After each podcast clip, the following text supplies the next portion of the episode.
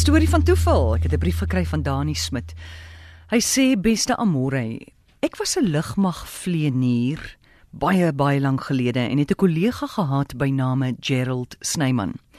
Gedurende die 70's het die weermag as geheel 'n groot parade by die Goodwood skouterrein gereël en onder andere was daar 3 lugmag vliegtye van die VIP eskader wat ook 'n verbyvlug sou doen. Gerald was 'n bakkeneer vlieënier en was op lange baan gedurende die aanloop tot die parade.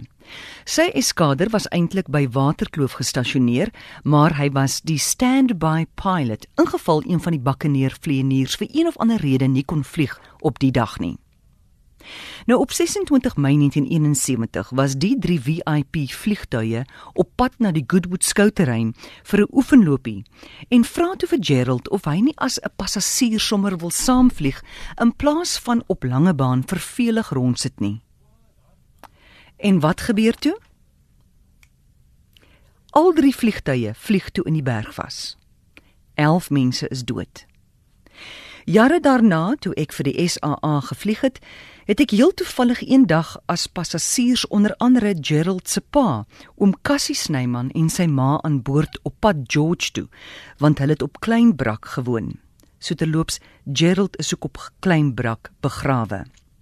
Ek dacht toe ek sal vanaf Mosselbaai laag vlieg verby Kleinbrak en vir die passasiers die hele tragiese storie van Gerald vertel, want ek was ook baie lief vir hom.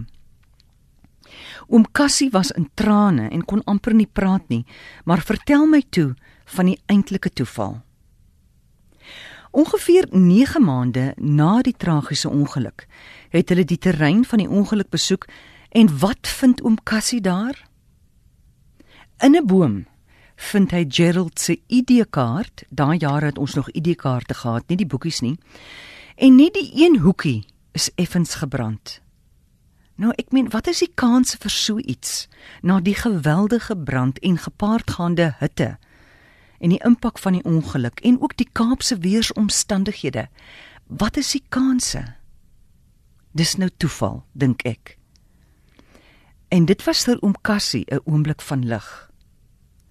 Ek skryf die storie met ongelooflike herinneringe aan 'n wonderlike man, Gerald, my vriend, rus in vrede.